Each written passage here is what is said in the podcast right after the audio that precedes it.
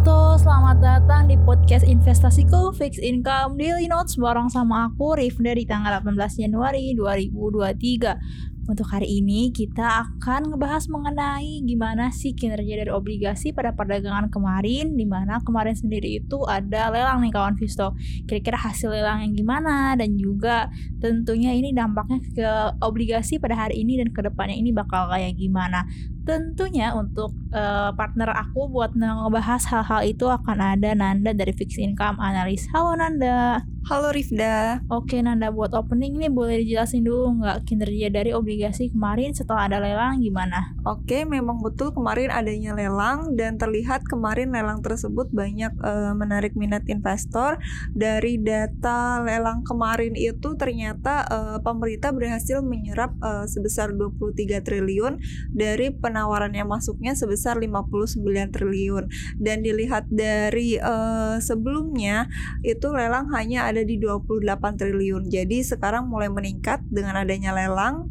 Kemudian di sisi lain kinerja indeks total return obligasi kemarin juga mengalami pelemahan sekitar 0,05% dan ada di level 348.53. Sedangkan dari sisi volume di pemerintah uh, tercatat sebesar 23,3 triliun sedangkan korporasinya ada di 1 triliun seperti itu oh penawaran masuknya cukup signifikan ya dibandingkan periode kemarin. Yang kemarin sampai 28 sekarang 59 hampir 100% ya malah kenaikannya nih Nanda. Dan itu uh, apakah ada kaitannya nih sama pidato dari pejabat The Fed atau sentimen-sentimen dari makro sendiri? Itu ada kaitannya nggak?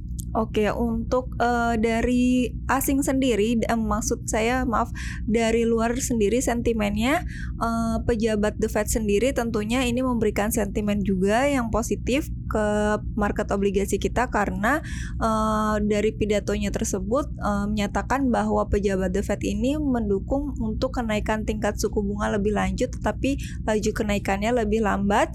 Dan ketika uh, tingkat suku bunganya ini diprediksi mencapai 5 bahkan di atas 5% sekitar 5,1% bahkan bisa ya kita katakan di 5,25% jadi saat ini market sudah mulai tahu nih uh, kapan berakhirnya kenaikan tingkat suku bunga. Tentunya ini uh, menjadi sentimen yang positif karena kita sudah uh, bisa memprediksi kapan market ini sampai turun dan tentunya dari uh, pejabat The Fed sendiri tidak cukup agresif seperti tahun sebelumnya yang menaikkan tingkat suku bunganya sehingga menjadi sentimen positif dan investor asing mulai banyak masuk di market obligasi kita seperti itu. Oke, berarti dilihat dari Indonesia sendiri kan untuk menaikin su uh, tingkat suku bunganya dilihat lebih telat kan ya Nada dibandingkan The Fed. Berarti ketika nanti The Fed sudah berhenti untuk menaikkan tingkat suku bunga tetap ada stagnan di level yang mereka tentukan itu berarti masih ada potensi kan ya Bank Indonesia buat naikin tingkat suku bunga lagi. Karena emang mereka ya kan mulainya lebih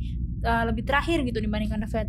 Sehingga kira-kira itu bakal ada potensi nggak sih untuk rupiah biar melanjutkan penguatannya Oke, untuk rupiah sendiri memang kemarin mulai uh, menguat, tetapi kemarin ternyata akhirnya rupiah kembali melemah karena hari ini ada sentimen terkait uh, eh, BI sendiri akan melakukan RDG dan dari hasil RDG tersebut diperkirakan bahwa BI akan melanjutkan kenaikan tingkat suku bunganya untuk meredamnya inflasi uh, karena inflasi kita sekarang ini ada di 5,51 dari sebelumnya ada di 5,42 persen. Tentunya ini uh, cukup masih di atas target uh, yang ditetapkan oleh BI.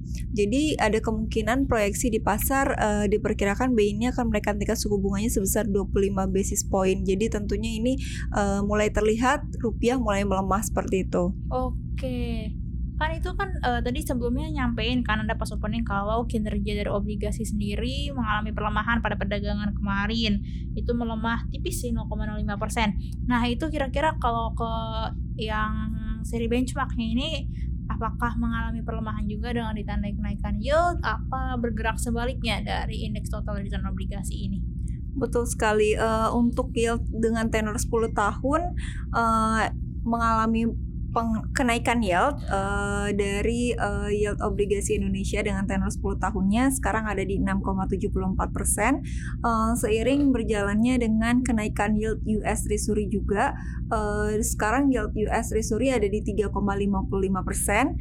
Nah uh, dengan kondisi yang yield US Treasury-nya kondisinya mengalami kenaikan ada potensi juga hari ini uh, kita marketnya kembali yieldnya mengalami kenaikan atau marketnya turun seperti itu.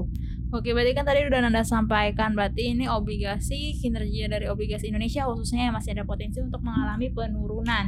Nah, jadi uh, ini nih kawan Visto buat kawan Visto yang pengen masuk ke obligasi perlu kalian waspada ini mengenai kenaikan tingkat suku bunga The Fed dan juga RDGB yang akan dilaksanakan besok nih ya Nanda ya. Kira-kira hari ini tapi ntar kan hasilnya kapan nih hasilnya keluar ya? Besok besok. Iya kan hasilnya besok RGB-nya hari ini. Nah, nanti uh, Nanda terakhir nih kira-kira kisaran yield dari dari benchmark yang biasa dipakai ini gimana untuk hari ini? Oke, karena kemarin US-nya seperti yang tadi kata uh, saya katakan bahwa mengalami kenaikan yield, tentunya ini berpotensi hari ini uh, masih akan kembali uh, kenaikan yield terjadi.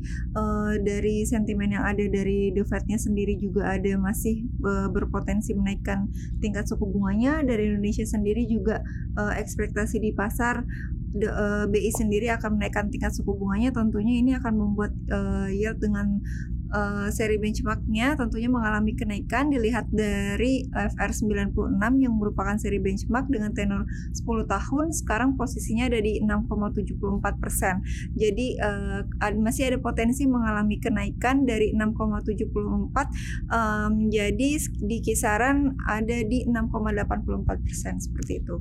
Oke, kawan Visto. Jadi bisa kita simpulkan kalau potensi yield untuk hari ini itu ada di level 6,84% untuk seri benchmark ya. Oke Konvisto untuk podcast Fix Income Daily Notes hari ini kita akhiri di sini buat kalian yang pengen tahu lebih banyak tentang investasi saham, obligasi ataupun reksadana, kalian bisa kunjungi website kita di investasiku.id. Investasiku for better tomorrow.